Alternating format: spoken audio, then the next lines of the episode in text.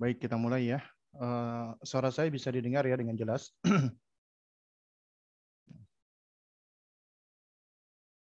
Baik.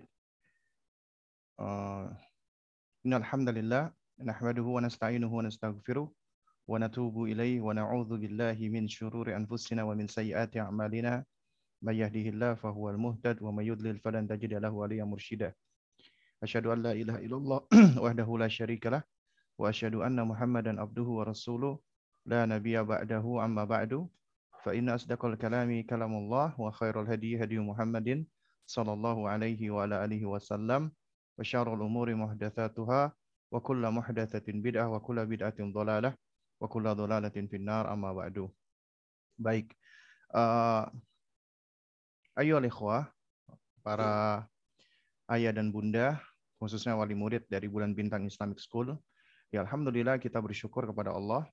Di sore ini kita diperkenankan untuk melanjutkan kembali ya, membahas risalah atau kutayib yang ditulis oleh Syekh Yazan Al-Ghanam, hafizahullah ta'ala, yang berjudul Ma la yasa'u atfalul muslimin ya, jahlahu.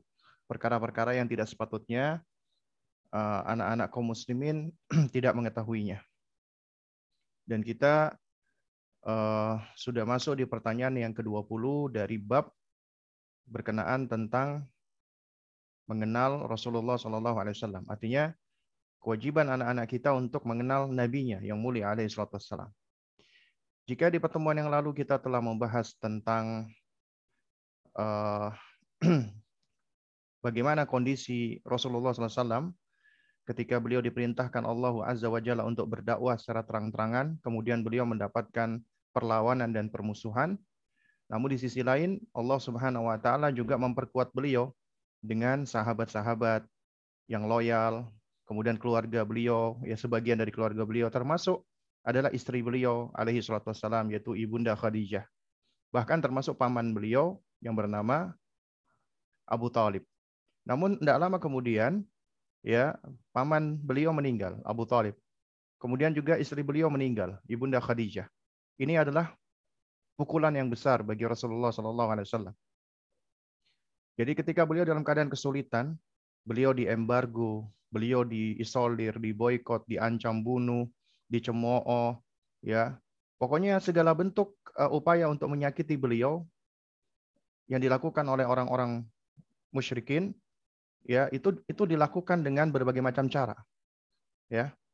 Nah, sehingga ya tentunya sebagai manusia biasa, beliau eh, merasakan ini adalah sebuah ujian yang berat. Dan demikianlah Allah Subhanahu wa taala menguji ya hamba-hambanya dan semakin besar ujian itu artinya ya Allah Subhanahu wa taala semakin mencintai hamba tersebut. Sebagaimana sabda Nabi, "Innallaha idza ahabba qauman ibtalahum." Sesungguhnya Allah apabila mencintai suatu kaum, Allah akan mengujinya. Dan juga di, di, disebutkan di dalam uh, sejumlah riwayat bahwa ya sesungguhnya orang yang paling berat ujiannya adalah para nabi, ya al-anbiya. Ya. Kemudian yang semisal mereka dan kemudian yang yang semisal mereka, yaitu dari para ulama dan orang-orang saleh. Itu paling berat ujiannya. Ya. Demikian pula yang dialami oleh Rasulullah. Ujiannya begitu beratnya. Kalau kita banyak mengeluh, ya kita kehilangan anak ya. Nabi Nabi Shallallahu alaihi wasallam itu semua anak laki-lakinya meninggal dunia. Kemudian juga kalau kita mengeluh bahwasanya dulu kita dibesarkan oleh nenek kita karena orang tua kita meninggal. Nabi SAW ya udah menjadi anak yatim. Gak lama kemudian beliau pun ditinggalkan oleh ibunya. Beliau akhirnya dirawat oleh kakeknya. Gak lama kemudian juga kakeknya meninggal dunia. Ya. Lalu kemudian kalau kita mau lihat kondisi kita yang susah, yang miskin, Nabi itu nggak kurang miskin apa lagi coba. Ya, sampai-sampai Sayyiduna Umar radhiyallahu taala anhu ketika mengunjungi rumah beliau, melihat di rumah beliau tuh nggak ada apa-apanya. Bahkan Nabi sedang bertelekan di atas hasir. Hasir itu ya semacam tikar yang berasal dari pelepah ya. Nah, dan ketika beliau bangun, tampak di sisi rusuk beliau itu ada bekas-bekasnya. Ya, namanya orang ketika berbaring ya di atas karpet yang kasar, itu di bagian tubuh itu ada ada bekas-bekasnya. Dan kemudian Sayyidina Umar melihat ya ke sisi rumahnya Rasulullah, hanya ada selembar kulit yang tergantung di tembok. Kemudian ketika beliau lihat lagi di ujung sana itu cuma ada ya sebuah semacam lemari kecil tapi nggak ada isinya, hanya ada satu sok gandum saja. Dan itu menyebabkan Sayyidina Umar radhiyallahu taala anhu itu menangis. Kemudian Nabi bertanya, "Ma yubkika ya Ibnu Al-Khattab? Apa yang membuat engkau menangis wahai ya Ibnu Al-Khattab?" Kemudian Sayyidina Umar mengatakan bahwasanya ya Rasulullah, bagaimana aku tidak menangis? Ya. Ketika aku melihat engkau, engkau adalah Rasulullah, engkau adalah utusan Allah. Ya.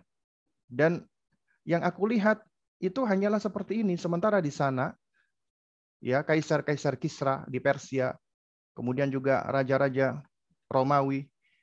Mereka bertelekan di atas sungai-sungai madu, ya yang penuh dengan buah-buahan. Nah, sementara Anda adalah Rasulullah, utusan Allah. Gitu loh. Nah, kemudian Nabi SAW, beliau pun mengatakan kepada Sayyidina Umar, ya Ibn Al-Khattab, ya,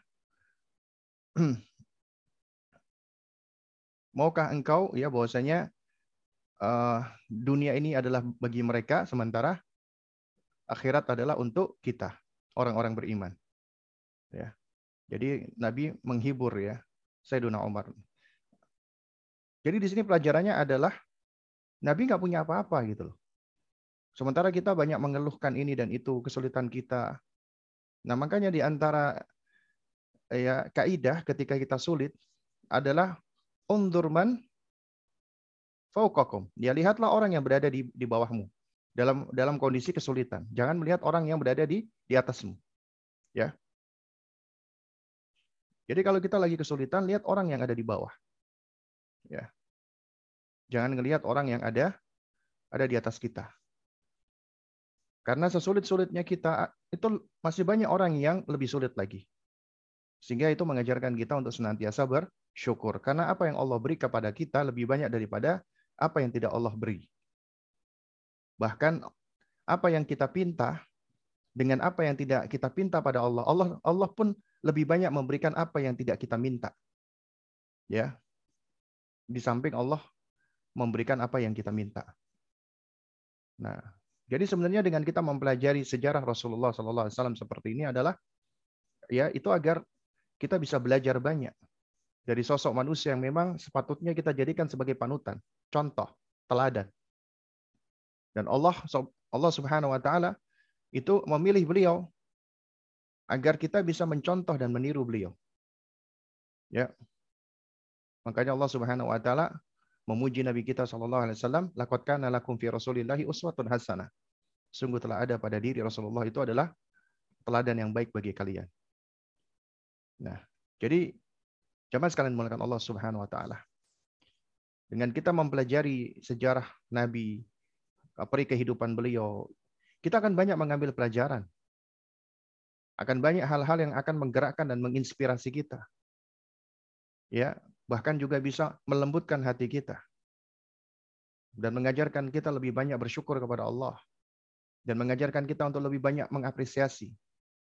Berterima kasih dan bersyukur kepada Allah Lalu kemudian juga kita mengapresiasi dan bersyukur kepada Rasulullah Sallallahu Alaihi Wasallam. Nah, dari kesulitan-kesulitan yang dialami Rasulullah, nah di situ ya Nabi mengalami kesulitan yang paling dahsyat ketika terjadi apa ketika orang-orang yang terdekat dengan beliau meninggal dunia, yaitu pamannya dan istri beliau ibunda Khadijah. Itulah yang disebut dengan Amul Hazm, tahun kesedihan. Dan di tahun kesedihan inilah Allah Subhanahu wa taala menghibur Nabi, bermaksud menguatkan Nabi alaihi salam, yaitu dengan berlangsungnya Isra dan Mi'raj. Nah, ini yang kita akan uh, kita pelajari dan kita ambil pelajarannya. Di pertanyaan yang ke-20, kita ajarkan kepada anak kita, kapan terjadinya Isra Mi'raj, nak? Maka jawablah Isra Mi'raj itu terjadi saat Nabi berusia 50 tahun. Artinya 10 tahun setelah nubuah, setelah ya Rasulullah diangkat sebagai nabi. Karena Rasulullah diangkat menjadi nabi di usia berapa? 40 tahun. Ya. Nah, selama 10 tahun itu sebelum hijrah, Nabi mengalami berbagai macam kesulitan-kesulitan. Akhirnya mengharuskan beliau pun memutuskan untuk hijrah, bermigrasi, pindah ke Madinah. Ya. Nah, selama 10 tahun itu Nabi bersabar. Ya, plus nanti setelah Isra Mi'raj ini tiga tahun kemudian Nabi masih masih bersabar di Mekah karena Nabi stay di Mekah selama 13 tahun. Kemudian baru beliau hijrah. Bermigrasi pindah ke Madinah. Nah, kejadian Isra Mi'raj ini kata para ulama adalah terjadi pada tahun ke-10 Ba'dal Bi'tsah, setelah Nabi diangkat menjadi rasul. Usia beliau adalah 50 tahun. Dan yang dimaksud dengan Isra dan Mi'raj, Isra adalah perjalanan Nabi dari Masjidil Haram ke Masjidil Aqsa. Itu yang dimaksud dengan Isra. Adapun Mi'raj adalah ya naiknya Nabi dari Masjidil Aqsa ke langit hingga ke Sidratul Muntaha. Itu yang dimaksud dengan Mi'raj. Jadi ada dua dua kejadian. ya.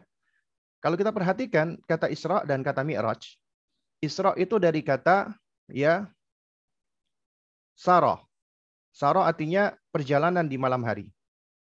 Ya, ini sebagaimana Allah sebutkan dalam surat Al-Isra ya. Allah abadikan nih sampai-sampai ya nama suratnya adalah Al-Isra. Di ayat pertama Allah berfirman, ya subhanalladzi asra bi 'abdihi lailan minal masjidil harami ilal masjidil aqsa. Maha suci Allah yang telah asra, memperjalankan Nabi. Ya, namanya Sara itu perjalanan di malam hari. Artinya Allah memperjalankan hambanya bi abdihi lailan minal masjidil haram ilal masjidil aqsa. Yaitu di suatu malam dari Masjidil Haram ke Masjidil Aqsa. Inilah Isra. Jadi Isra itu adalah perjalanan Rasulullah Shallallahu Alaihi Wasallam ya dari Mekkah tepatnya Masjidil Haram menuju ke Palestina tepatnya ke Masjidil Aqsa atau Baitul Maqdis. Ya. Itulah Isra. Dan ini yang dialami oleh Rasulullah. Ini sebagai bentuk ya tasliyah dari Allah, hiburan dari Allah untuk Nabi. Ya, karena ini suatu hal yang istimewa spesial. Ketika itu nggak ada pesawat. Allah utus Jibril untuk menjemput Nabi. Dan Allah sediakan di situ kendaraan atau tunggangan Nabi yang bernama buruk. Ya, Nah, itu nanti kita akan akan sebutkan sedikit ya tentang buruk ini. Ya. Lalu kemudian setelah Nabi di Masjidil Aqsa, maka Nabi di Mi'rajkan oleh Allah Subhanahu wa taala. Jadi kata Mi'raj itu Mi'raj itu sebenarnya kalau dalam bahasa Arab itu adalah ismu Allah. Ya. Isim Allah. Suatu kata benda yang menunjukkan tools atau alat yang dipakai untuk apa? Untuk naik ke atas. Jadi kalau kita katakan ya seperti lift ya, itu juga uh, di antara sebutannya adalah mi'raj. Ya. Jadi mi'raj itu adalah suatu alat khusus ya seperti tangga yang di, yang digunakan oleh Nabi SAW untuk naik dari bumi menuju ke atas langit sampai ke Sidratul Muntaha ya. Sebagaimana di dalam surat An-Najm ya. Jadi surat An-Najm mulai dari ayat pertama sampai apa namanya?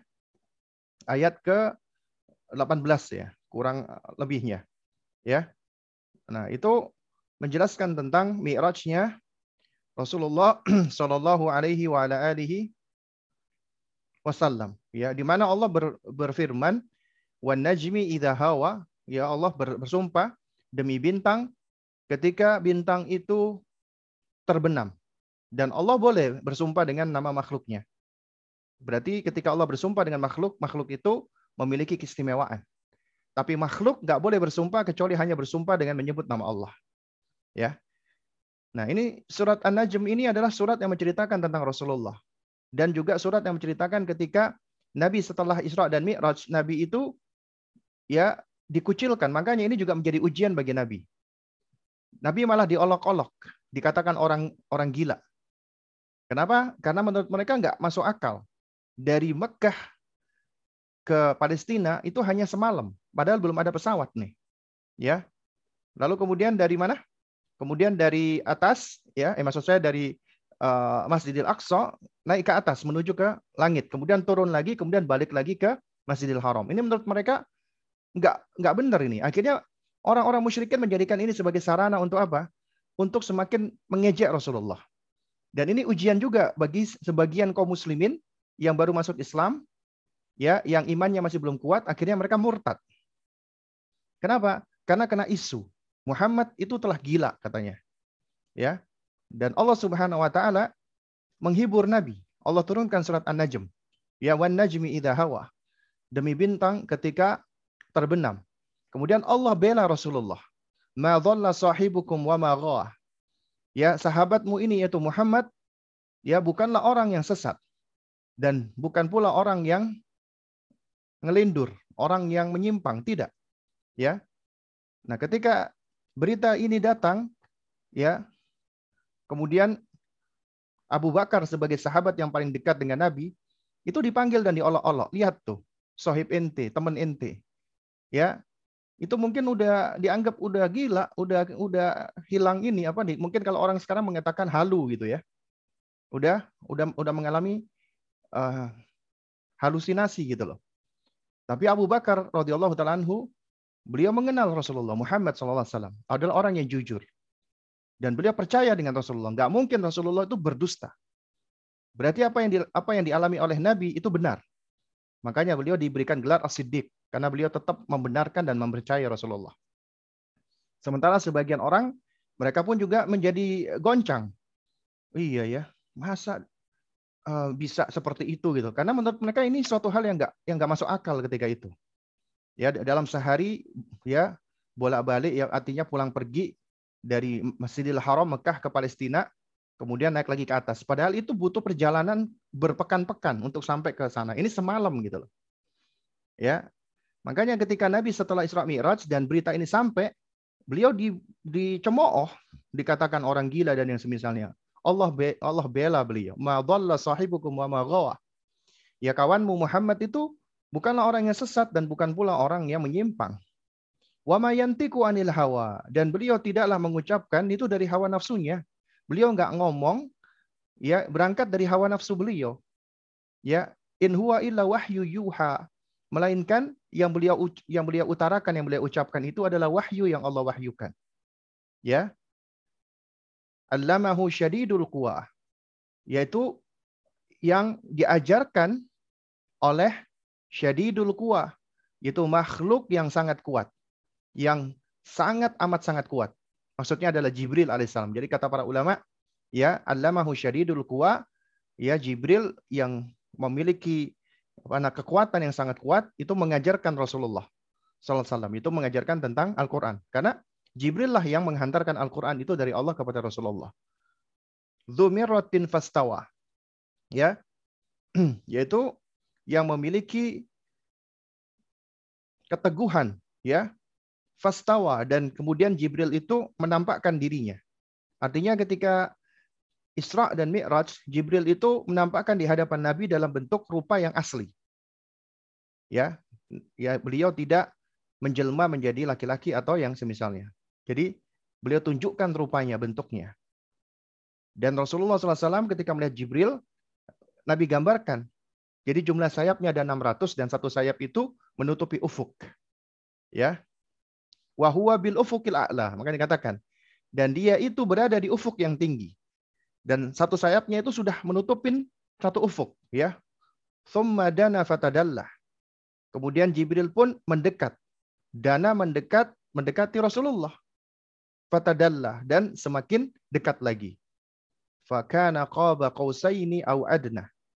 Ya, sehingga jaraknya ya antara Jibril dengan Rasulullah itu hanya sejarak dua busur panah atau fa'adna atau au adna atau lebih dekat lagi daripada dua busur panah. Fa'auha ila abdihi ma'auha. Lalu ia sampaikan wahyu kepada hambanya, hamba Allah ini, yaitu Rasulullah. Ma'auha, apa yang telah diwahyu. Jibril menyampaikan wahyu. Fa'auha ila abdihi ma'auha ia menyampaikan wahyu kepada hambanya apa yang telah diwahyukan kepada dirinya oleh Allah Subhanahu wa taala. Maka dzabal fuadu ma ra'ah. Ya. Maka dzabal fuadu, hatinya, pemahamannya, akalnya tidak mendustakannya. Ya. Ma apa yang dilihatnya. Karena apa yang dilihat oleh Rasulullah ketika Isra dan Mi'raj itu suatu hal yang luar biasa. Itu pengalaman yang sangat luar biasa. Ya. Nah, lalu kemudian Allah mengarahkan firman-Nya kepada orang-orang musyrikin di dalam ayat ini. Afatumarunahu ala ma yara. Apakah kalian wahai orang-orang musyrikin ya hendak membantah dia, membantah Rasulullah ala ma atas apa yang dilihat oleh Rasulullah ketika kejadian Isra Mi'raj. Ya. Kemudian kata Allah, walaqad ra'ahu nazlatan ukhra. Dan sungguh dia Muhammad telah melihatnya yaitu Jibril ya di waktu yang lain dalam rupa yang asli. Inda sidratil muntaha, yaitu ketika berada di sidratul muntaha. Indaha jannatul ma'wa. Dan di dekat sidratul muntaha itu ada ya surga sebagai tempat tinggal yang begitu indahnya. Ya, yaksha. Dan Rasulullah melihat Jibril ketika di Sidratul Muntaha itu diliputi oleh uh, apa sesuatu ya. Mazaghal basaru wa matagha. Dan penglihatan Rasulullah ketika itu tidak tidak menyeleweng, tidak menyimpang. Artinya beliau tidak berhalusinasi, tidak menghayal dari yang dilihatnya. Ya, Laqad ra'a min ayati rabbihil kubro. Sungguh dia telah melihat sebagian dari tanda-tanda kebesaran Allah Subhanahu wa taala yang paling besar. Nah, kemudian juga Nabi SAW itu di dalam sejumlah riwayat setelah Isra Mi'raj itu di diuji oleh sebagian orang-orang musyrikin yang pernah ke Palestina. Ya, wahai Muhammad, jika engkau benar-benar pernah ke Baitul Maqdis, pernah ke Palestina, coba jelaskan kepada kami bagaimana keadaannya di sana. Dan Nabi jelaskan secara detail. Ya. Dan yang Nabi jelaskan itu adalah kenyataannya benar. Oleh karena itu ada sebagian dari orang-orang musyrikin itu malah masuk Islam. Ya, lantaran kejadian ini. Dan juga sebagian lagi itu mereka menjadi goncang, ragu-ragu. Wah, ini jangan-jangan benar ini apa yang dialami oleh Muhammad ini ketika Isra Mi'raj ya. Karena beliau bisa menggambarkan apa yang beliau lihat. Dan itu memang kenyataannya demi demikian. Nah, baik. Uh, jamaah sekalian mulakan Allah Subhanahu wa taala. Kalau kita bicara Isra Mi'raj ya, itu tentunya cukup panjang ya. Cuma di sini kita akan bahas secara ringkas-ringkas saja ya. Setelah itu kita akan buka tanya jawab dan kita ambil pelajaran. Apa sih peristiwa-peristiwa yang terjadi saat saat Isra ya? Yang pertama ya, ketika Isra Nabi dibawa dari Masjidil Haram ke Masjidil Aqsa, Rasulullah itu mengalami pembelahan dada yang kedua. Ya, sebelumnya ketika beliau masih anak-anak ketika beliau belum diangkat menjadi nabi dan rasul. Ya. Dan ketika itu beliau berada di tempat ibu susunya yang bernama Halimatus Sa'diyah dan beliau biasa menghabiskan waktu menggembala kambing, bermain dengan teman-temannya. Tiba-tiba datang dua orang laki-laki ya menangkap Nabi, sahabat-sahabatnya pun lari ya melaporkan kepada Halimatus Sa'diyah dan keluarganya. Dan Nabi SAW ketika itu dibelah dadanya dan dibersihkan. Maka demikian pula sebelum Isra, ya Jibril alaihissalam datang membelah dada Nabi, kemudian ya dicuci dengan air zam-zam. Lalu kemudian Jibril menuangkan ke dada Nabi SAW hikmah dan iman yang ditempatkan berada di dalam bejana emas. Ya, jadi terjadi pembelahan dada yang kedua, dibersihkan oleh oleh Jibril alaihissalam dengan perintah Allah. Lalu kemudian setelah itu Jibril ya setelah menampakkan diri ya Rasulullah SAW itu dijemput oleh sebuah hewan tunggangan. Hewan tunggangan yang disebut dengan buruk. Nah, itu dijelaskan di dalam sejumlah riwayat, buruk itu ya adalah hewan seperti kuda. Ya. Berwarna putih tapi ukurannya lebih besar dari keledai, lebih kecil dari bagol. Ya bagol itu apa peranakan antara kuda dan keledai. Artinya buruk ini tentunya lebih kecil daripada kuda.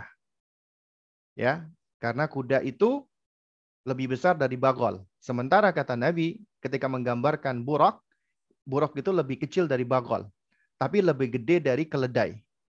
Ya. Meskipun demikian, hewan tunggangan Nabi yang disebut dengan buruk ini, ya meskipun ukurannya bukan ukuran yang besar ya, Nah, itu sekali dia melangkah, sekali dia melompat, dia melangkah, itu langsung sejauh ufuk. Kalau Anda tahu ufuk, Ufuk itu adalah titik sejauh pandangan mata melihat. Misalnya kita berada di samudra ini, kita ada di laut. Nah, titik yang paling jauh itu ufuk namanya. Ya, atau kita berada di di sebuah dataran yang kita udah nggak bisa ngelihat apa pun lagi kecuali hanya garis. Nah, garis itu adalah ufuk. Artinya, kecepatan hewan tunggangan Nabi yang disebut dengan buruk ini adalah sekali melangkah dia langsung sejauh ufuk, sejauh mata memandang. Ini menunjukkan betapa cepatnya. Ya, betapa cepatnya. Ya, seakan-akan kecepatannya itu ya tentunya lebih cepat daripada daripada kecepatan suara ya. Karena kecepatan suara nggak nggak mungkin bisa bisa bisa secepat itu. Ya, yaitu digambarkan seperti kecepatan cahaya. Saking cepatnya. Karena sekali melangkah langsung sudah sudah sampai ke ufuk. Karena itu ya tidak heran apabila dalam semalam Nabi bisa PP dari Masjidil Haram ke Masjidil Aqsa bahkan sampai ke langit dunia. Nah, kemudian setelah di Masjidil Aqsa, Nabi bertemu dengan para nabi dan para rasul. Ulama berbeda pendapat. Apakah para nabi dan rasul itu yang Nabi temui itu adalah jasad dan rohnya ataukah hanya rohnya saja atau arwahnya saja? Para ulama berbeda pendapat. Ya. Bahkan juga sebagian ulama berbeda pendapat tentang apakah Nabi Isra dan Mi'raj itu hanya ruhnya saja ataukah jasadnya juga. Allah alam yang dikuatkan oleh para ulama, sebenarnya Nabi Isra Mi'raj itu seutuhnya jasad dan rohnya Nabi. Dan Nabi juga bertemu dengan dengan para nabi dan rasul. Ya, itu juga menurut pendapat yang lebih tepat adalah lengkap ruh dan jasadnya, ya. Para nabi dan rasul dan itu suatu hal yang mudah bagi Allah. Allah sangat mudah untuk bisa ya membangkitkan dan mengumpulkan kembali para nabi dan rasul. Kemudian di Masjidil di Masjidil uh, Aqsa atau di Baitul Maqdis, Nabi pun sholat dua rakaat dan Nabi mengimami ya para nabi dan rasul. Jadi beliau adalah ya Imamul Anbiya wal Mursalin, imamnya para nabi dan para rasul. Nabi terakhir sekaligus menjadi penghulu dan imamnya para nabi dan rasul. Ya. Nah, lalu kemudian setelah itu ya Jibril datang dengan membawa dua tempat, dua bejana. Yang satu berisi susu, yang satu berisi khamar. Kemudian diuji. Ya, Nabi disuruh memilih. Ya, tentu saja Nabi memilih susu. Kemudian Jibril pun memuji Rasulullah dan mengatakan bahwasanya beliau telah memilih sesuatu yang bersih, sesuatu yang baik dan sesuatu yang fitrah. Ya. Ini yang terjadi pada saat Isra. Nah, lalu kemudian setelah itu ya Nabi di kan. Ya Nabi di Mi'raj diangkat. Nah, saat Mi'raj Nabi dibersamai oleh Jibril alaihissalam naik ke atas langit. Ya, adapun bagaimana kaifiatnya, bagaimana caranya, maka nggak ada yang tahu. Ya, jadi ini adalah termasuk perkara gaib. Karena Nabi tidak menjelaskan secara detail bagaimana naiknya beliau.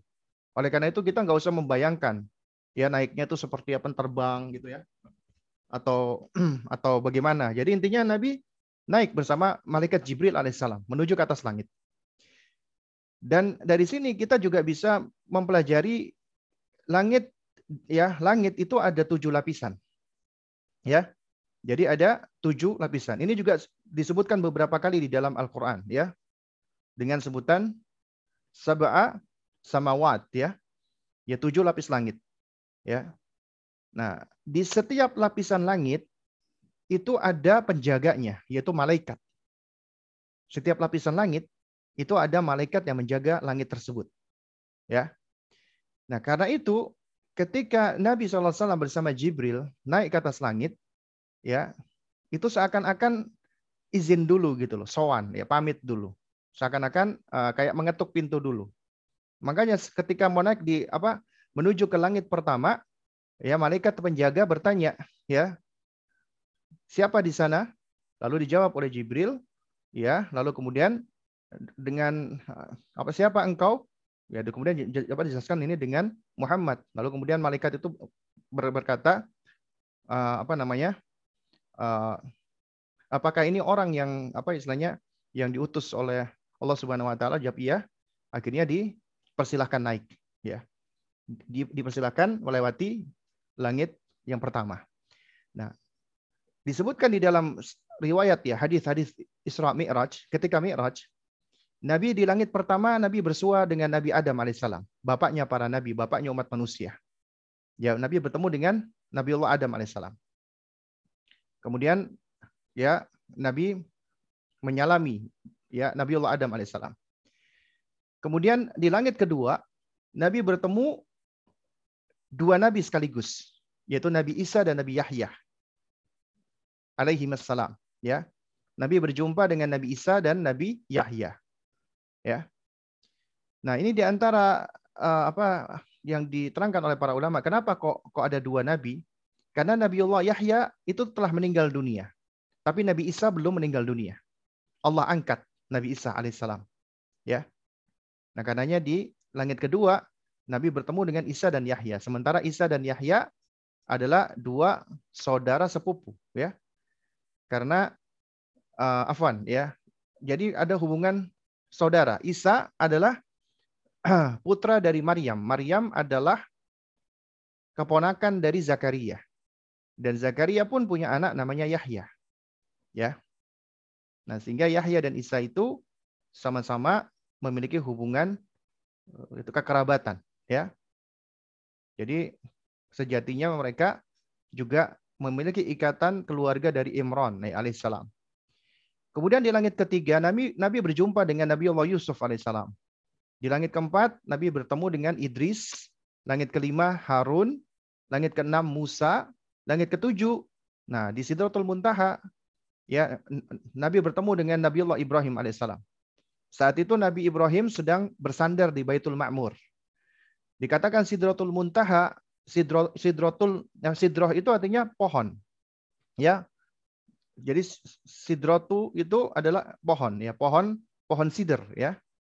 Nah dikatakan muntaha, muntaha itu yang paling ujung. Jadi pohon yang berada di paling di paling atas, di paling ujung. Sidratul Muntaha, ya. Yaitu pohon bidara. Nah, di situ Nabi bertemu dengan Nabi Allah Ibrahim alaihissalam di mana Nabi Ibrahim itu ditemani oleh anak-anak kecil-kecil yang lucu-lucu. Ya, anak kecil yang lucu-lucu. Nah, lalu kemudian setelah di langit tujuh berjumpa dengan Nabi Allah Ibrahim, ya, yang bersandar, bersandar di Baitul Makmur, ya, Nabi melanjutkan perjalanan ke Sidratul Muntaha. Nah, baru di Sidratul Muntaha ini, ya, Nabi uh, sendirian ya. Artinya Jibril alaihissalam itu disebutkan oleh para ulama tidak tidak menyertai Nabi. Kemudian Nabi ber, bertemu dengan Allah secara langsung. Tapi menurut riwayat Ibunda Aisyah Nabi tidak mampu melihat Allah Azza wa Jalla. Karena ketika itu ada cahaya. Ya. Dan ketika bersua dengan Allah, Nabi alaihissalam itu diperintahkan sholat. Awalnya 50 waktu.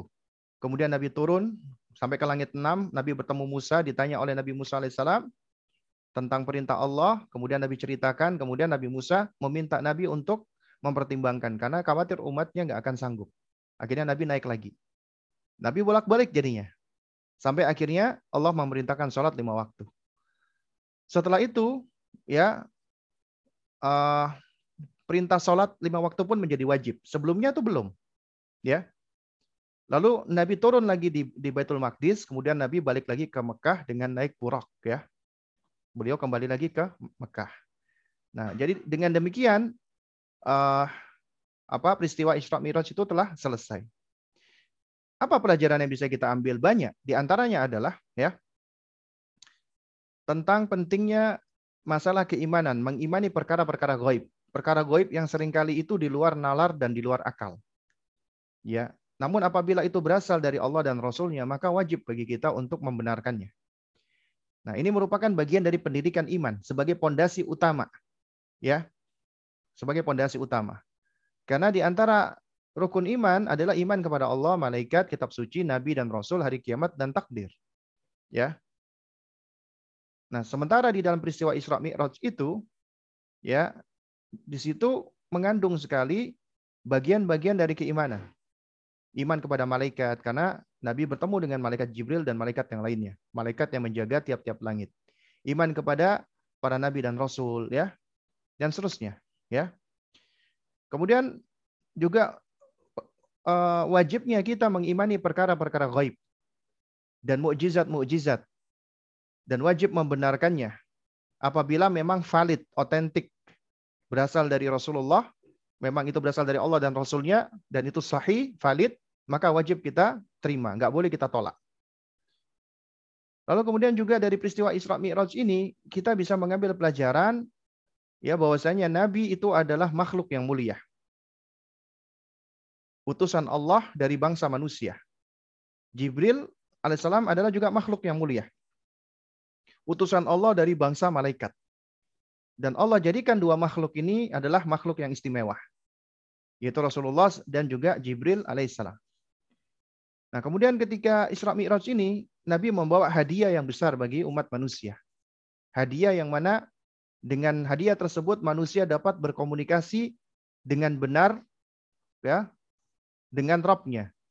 Jadi Allah memberikan sarana komunikasi seakan-akan ya gambarannya ya apa namanya seperti kayak kita itu di, dikasih alat komunikasi kayak dikasih gadget atau handphone supaya kita bisa ngobrol gitu loh ya meskipun dipisahkan oleh oleh jarak Ya, ibaratnya seperti itu. Nah, tentunya walillahi al-matsalul a'la. Tentunya bagi Allah adalah uh, permisalan yang jauh lebih tinggi dan jauh lebih sempurna. Artinya sholat itu adalah sarana yang Allah berikan kepada hamba agar hamba bisa berkomunikasi dengan Allah. Ya sarana berkomunikasi. Dan ini adalah hadiah yang besar.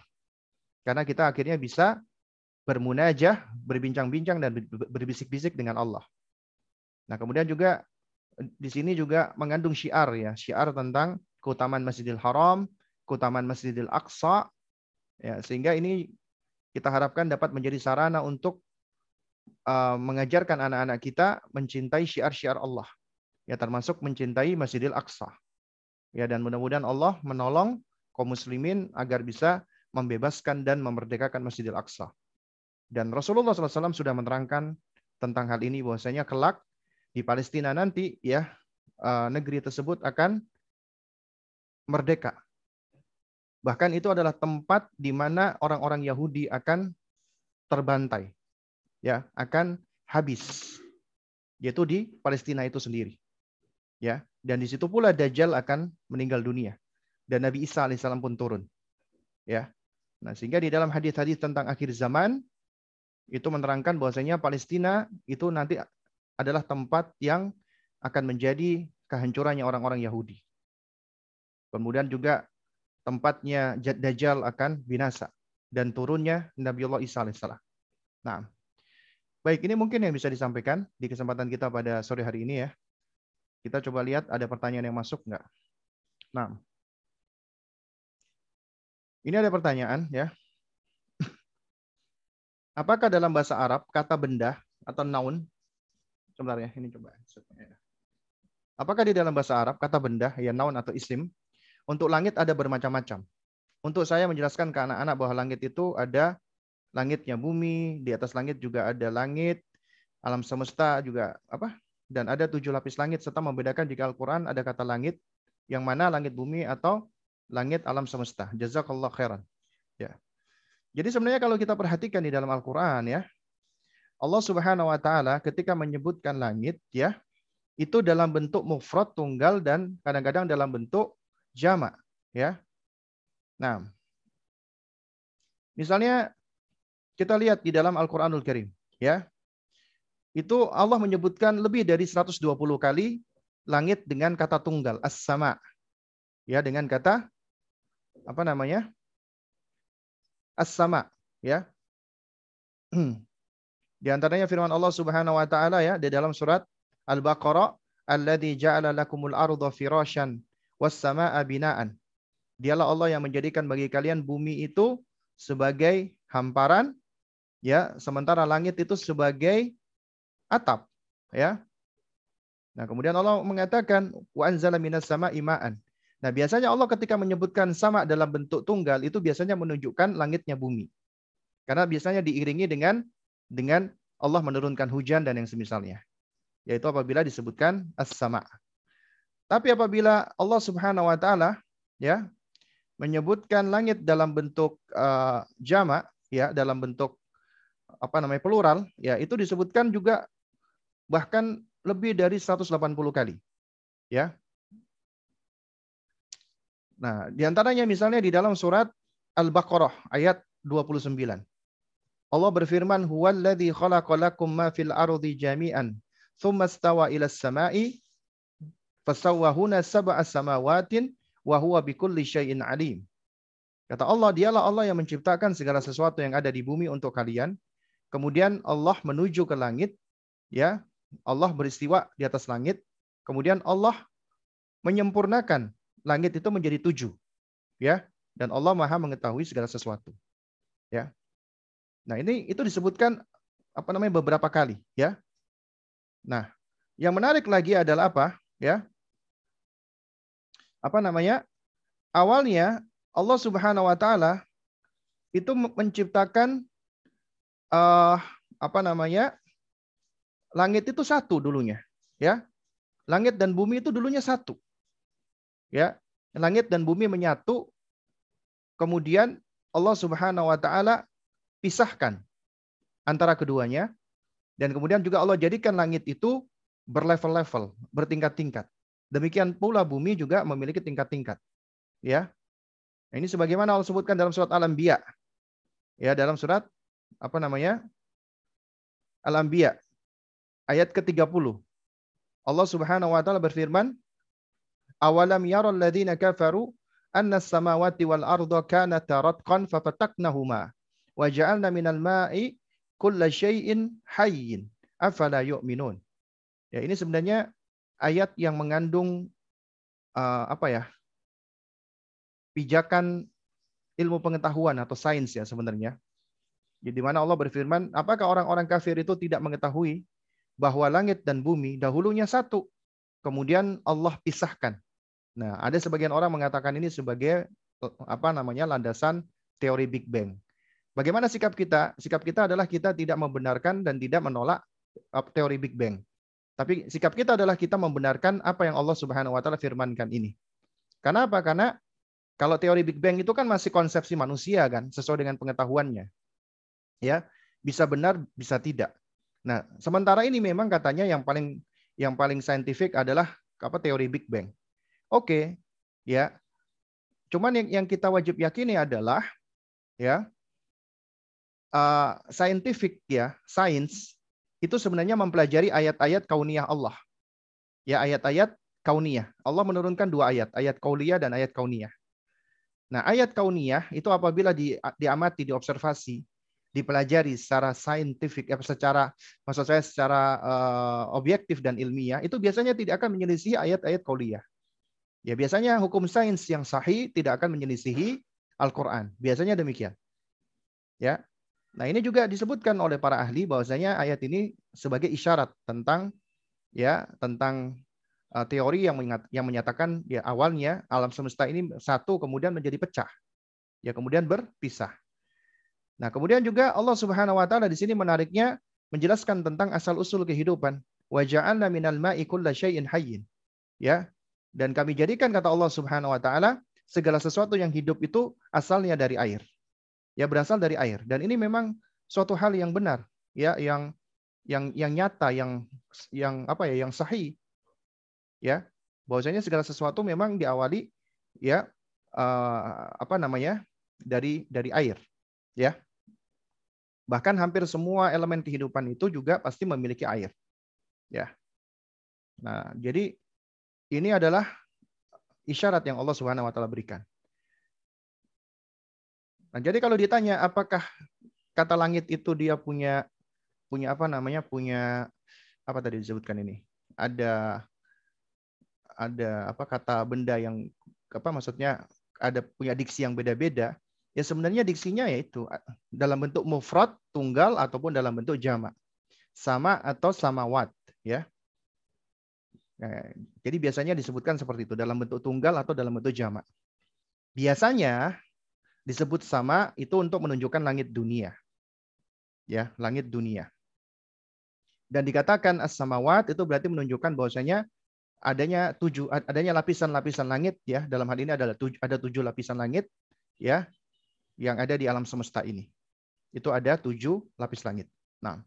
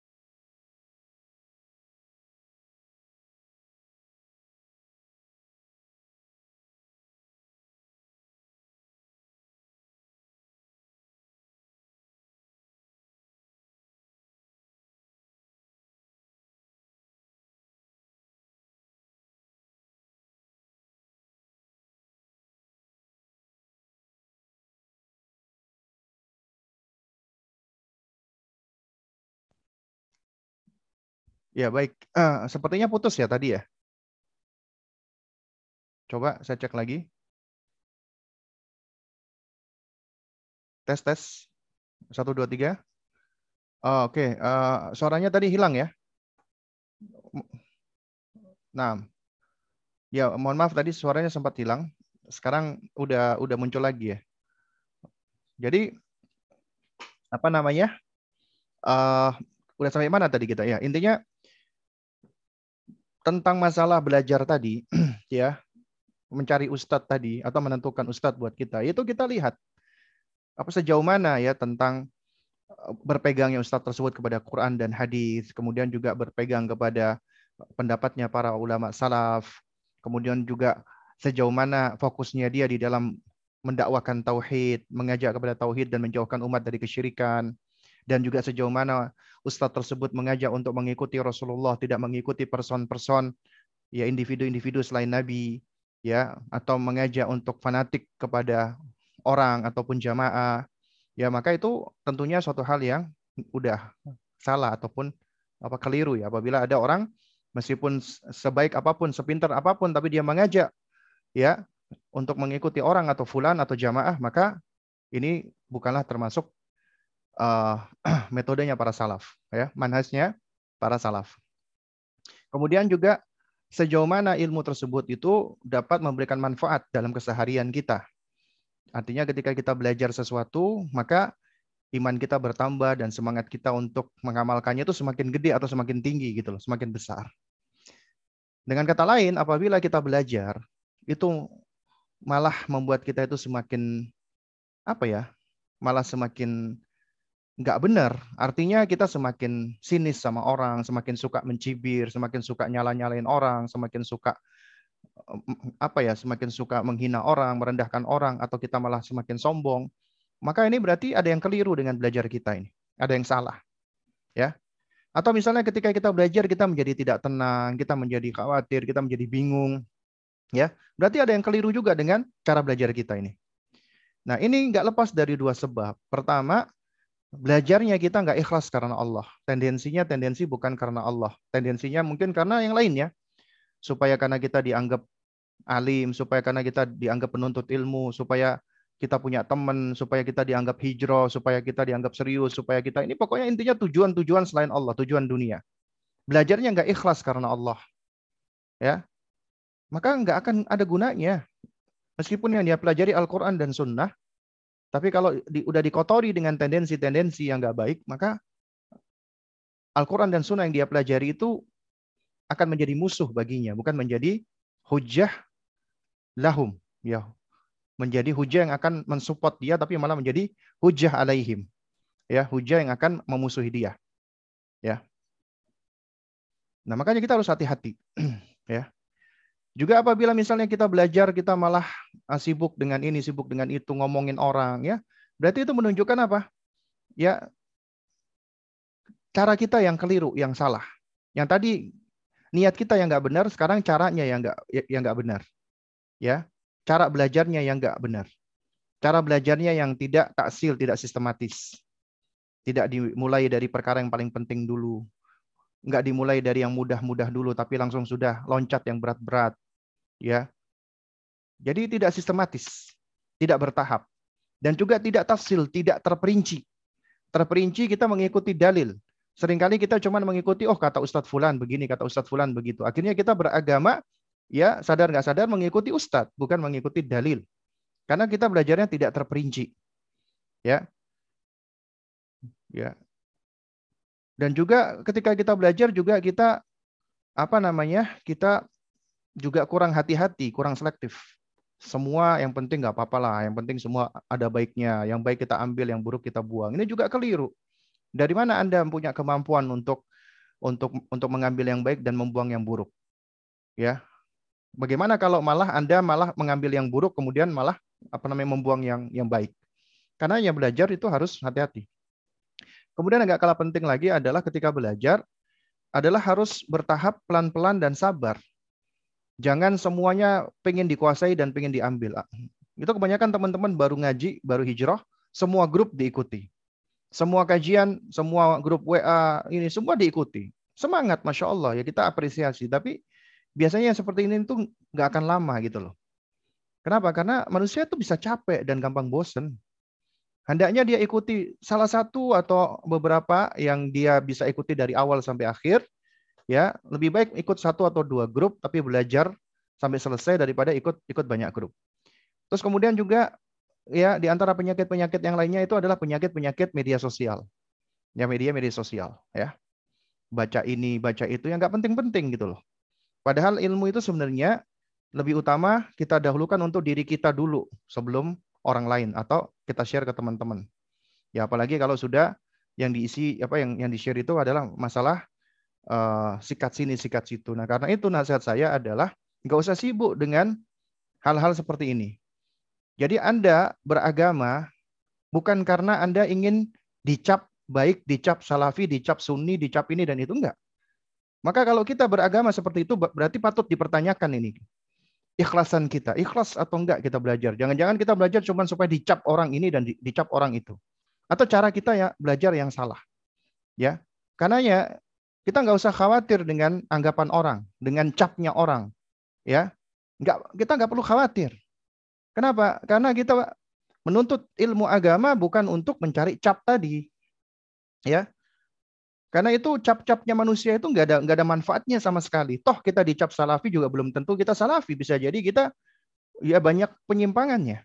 Dan juga orang yang dicap misalnya sururi, hizbi atau sebutan-sebutan yang aneh-aneh lainnya, ya itu bisa jadi dia adalah orang yang lebih baik dibandingkan kita gitu loh. Karena itu kita nggak usah sibuk dengan apa cap-capan tadi gitu loh. Ya cukup kita sibukkan dengan belajar, menuntut ilmu, ya kita mempelajari dari perkara-perkara yang pondasi. Ya kita udah sikoh dengan ya, ustadz ini maka sudah kita ikuti. Ya. Jadi istafti qalbak. Ya minta nasihat minta fatwa kepada hatimu. Jadi kalau misalnya kita belajar itu apa datangnya atau adanya itu malah membuat kita gundah gulana ya mending mending kita tanyakan ke hati ini jangan-jangan ada yang salah nih. Niatku salah atau cara belajarku salah atau ustadznya yang nggak benar ya. Nah, Ustadz apa hikmah sholat lima waktu baru turun di tahun ke-10 di tahun ke-10 ya ba'dal bi'tsa? Apakah ini bisa menjadi hujah mendidik anak dimulai dari tauhid? Beban syariat bukan di awal-awal usia anak. Jazakallah khair. Sebenarnya banyak ya hikmah dan faidahnya. Kenapa Allah Subhanahu wa taala itu memerintahkan sholat lima waktu ya? Itu adalah ketika setelah Isra Mi'raj. Sebelumnya itu memang sudah diperintahkan sholat, tapi bukan sholat lima waktu. Nah, di antara yang dikatakan para ulama, sholat yang diwajibkan saat itu adalah sholat malam, ya, sholat malam. Ada sebagian yang berpendapat uh, sholat wusta, ya, atau apa kedua-duanya, ya. Namun ketika uh, Isra Mi'raj, Nabi Nabi mendapatkan perintah sholat sholat lima waktu ini, ya, sholat lima waktu. Nah, ini menunjukkan ya di antara faidahnya adalah ya bahwasanya sebelum perintah untuk ibadah seperti sholat, memang yang harus dipersiapkan adalah pondasinya dulu, hatinya dulu, akidah dulu, tauhid dulu. Ya, karena apabila Islam itu datang dengan langsung perintah-perintah untuk sholat ataupun juga apa dengan larangan-larangan nggak nggak boleh ini dan nggak boleh itu, maka niscaya manusia akan cenderung untuk meninggalkannya. Ini sebagaimana disebutkan oleh ibunda Aisyah, ya, radhiyallahu taala anha, ya, di mana beliau dengan kecerdasannya ya beliau mengatakan bahwasanya Islam itu pertama kali datang ya itu bukan menyangkut masalah halal haram bukan. Tapi Islam itu awal kali datang itu menjelaskan tentang jannah wan nar tentang surga dan neraka. Ya tentang perkara-perkara masalah akidah masalah masalah-masalah pondasi. Kemudian setelah kuat keislamannya baru Allah Subhanahu wa taala menurunkan perintah untuk menjauhi khamar, menjauhi judi, menjauhi zina. Kata Ibunda Aisyah radhiyallahu taala anha, sekiranya yang pertama kali turun itu adalah janganlah engkau berzina, maka niscaya mereka akan apa namanya mengatakan ya kita akan eh, senantiasa terus berzina. Kalau sementara apa yang turun pertama kali adalah jangan minum khamar, maka niscaya mereka akan mengatakan kita akan terus-terusan minum minum khamar. Kenapa? Karena pondasinya nggak ada gitu loh yang mendorong mereka, memotivasi mereka untuk menerima perintah tersebut masih belum ada. Nah, makanya di dalam dakwah secara umum, ya termasuk pendidikan, maka yang penting yang kita bangun dulu adalah pondasinya yaitu akidah dan tauhid, ya. Nah. Baik, kemudian ini pertanyaan terakhir ya sepertinya. Ketika Isra Mi'raj, Allah Ta'ala saat memberikan perintah salat kepada Rasulullah Sallallahu Alaihi Wasallam, apakah dalam bentuk suara? Apakah baginda Rasulullah SAW melihat Allah Subhanahu Wa Ta'ala ini tadi udah kita singgung ya. Nabi mendengarkan suara Allah. Sebagaimana Nabi Musa juga mendengarkan suara Allah. Makanya Nabi Musa itu memiliki gelar kalimullah. Manusia yang diajak bicara oleh Allah. Demikian Nabi juga sama. Nabi bisa mendengarkan suara Allah Subhanahu wa taala. Tapi menurut pendapat yang kuat Nabi ketika itu tidak bisa melihat Allah Azza wa Jalla. Ya. Nabi tidak bisa melihat Allah karena ada cahaya ketika itu. Sehingga Nabi tidak mampu melihatnya. Ini sebagaimana riwayat Ibunda Aisyah radhiyallahu taala anha. Namun ada sebagian sahabat seperti Abdullah bin Mas'ud ya itu yang berpendapat bahwasanya Nabi melihat Allah Azza wa Jalla. Jadi ini memang memang ada khilaf, ada perbedaan pendapat.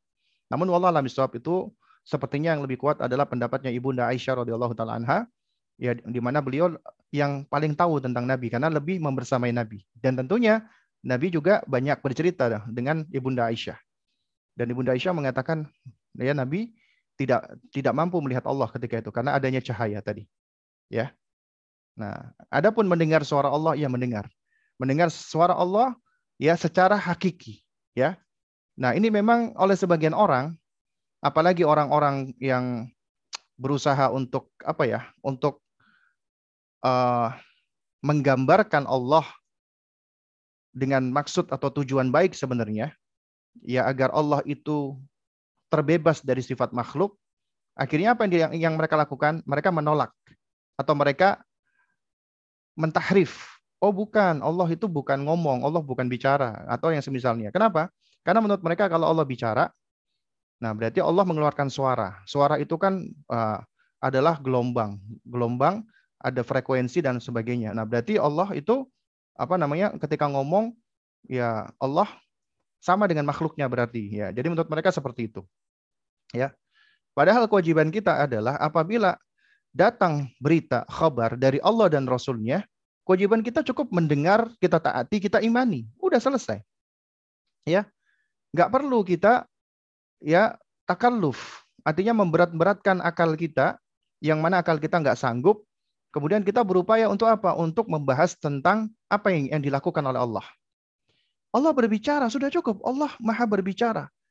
Nggak nggak boleh kita mengatakan Allah tidak tidak tidak bicara. Allah apa misalnya apa kita katakan Allah itu ya bicara cuman bicaranya tidak mengeluarkan suara, tidak tidak tidak ada hurufnya. Ini berarti kita sudah bicara sesuatu yang tidak pernah ya diucapkan oleh Rasulullah. Ya, atau para sahabat. Enggak ada para sahabat yang ngomong seperti ini. Yang ada adalah Rasulullah bicara udah. Dan menurut ahlu sunnah yang tepat Allah berbicara sesuai dengan hakikatnya. Ada suaranya. Ya. Ya, jadi Allah berfirman sebagaimana hakikatnya. Ya. Yang berbeda dengan makhluknya. Cukup kita imani selesai. Ya. Nah, seperti orang-orang uh, Asy'ariyah, orang-orang Asy'ariyah, itu mereka berusaha untuk mentakwil. Seperti misalnya Nabi Musa ketika berjumpa dengan Allah, ketika Allah itu bicara, oh itu sebenarnya yang dimaksud itu ilham. Ya, oh itu yang dimaksud adalah uh, Allah itu apa namanya? seperti memberikan tanda atau yang semisalnya. Jadi berusaha ditakwil seakan-akan bahwasanya kalau Allah berbicara bisa didengar oleh Nabi Musa, nah berarti Allah sama seperti makhluk. Kenapa? Karena bicaranya Allah berarti sama dengan bicaranya makhluk. Itu menurut mereka begitu. Ya. Padahal Allah Subhanahu wa taala itu memiliki sifat berbicara gitu loh. Ya, sebagaimana Allah punya penglihatan, penglihatan Allah berbeda dengan makhluknya. Makhluk bisa melihat karena ada cahaya. Allah nggak perlu gitu loh. Allah maha melihat. Ada cahaya nggak ada cahaya Allah bisa melihat semuanya gitu loh. Jadi nggak perlu kita bertakaluf, memberat-beratkan diri untuk apa namanya untuk membahas sesuatu yang yang akal kita nggak sanggup menjangkaunya, yaitu ketika kita bicara tentang Allah. Bicara tentang Allah cukup kita mencukupkan diri dengan apa yang Allah ceritakan tentang dirinya dan apa yang Nabi SAW sampaikan tentang Allah. Sudah cukup. Nah, Allah alam Ya mudah-mudahan sedikit ini bisa memberikan manfaatnya. Ya kurang lebihnya saya mohon maaf ya. apabila ada hal-hal yang kurang berkenan. Ini ada pertanyaan lagi ya, baru masuk. Anda menggunakan kisah Isra Mi'raj untuk menjadi hujah kepada anak-anak bahwa Allah Ta'ala di atas langit. Dan menjelaskan bahwa setiap lapis langit dijaga malaikat dan langit sangat luas. Semua yang bisa kita lihat seperti planet dan lain-lain barulah di lapisan lapisan apa namanya pertama. Ini apa? Pertanyaannya apa di sini? Ya. Kalau kita mau menentukan bahwasanya matahari, bulan itu adalah langit apa namanya pertama, intinya langit yang bisa kita lihat dari bumi itu sebenarnya adalah Ya sebagian ulama mengatakan itulah langit lapisan apa namanya pertama. Ada sebagian ulama yang apa ulama lagi yang berpendapat sebenarnya langit lapisan pertama itu adalah langit yang ada di atas bumi kita. Awan dan yang semisalnya ya. Ya. Jadi itu yang dimaksud dengan langit apa namanya pertama. Ya. Adapun langit setelahnya ya tentunya Allah yang yang lebih tahu ya itu adalah lapisan di mana manusia belum mampu untuk untuk untuk melihatnya. Ya, ya wallah alam Nah. Ya, wallah wallah taala alam ya. Baik. Mudah-mudahan yang sedikit ini bisa memberikan manfaat. Kurang lebihnya saya mohon maaf apabila ada hal-hal yang kurang berkenan. Kita tutup dengan kafaratul majelis. Subhanakallahumma wa bihamdik asyhadu an la ilaha illa anta astaghfiruka wa atubu ilaik. Wassalamualaikum warahmatullahi wabarakatuh.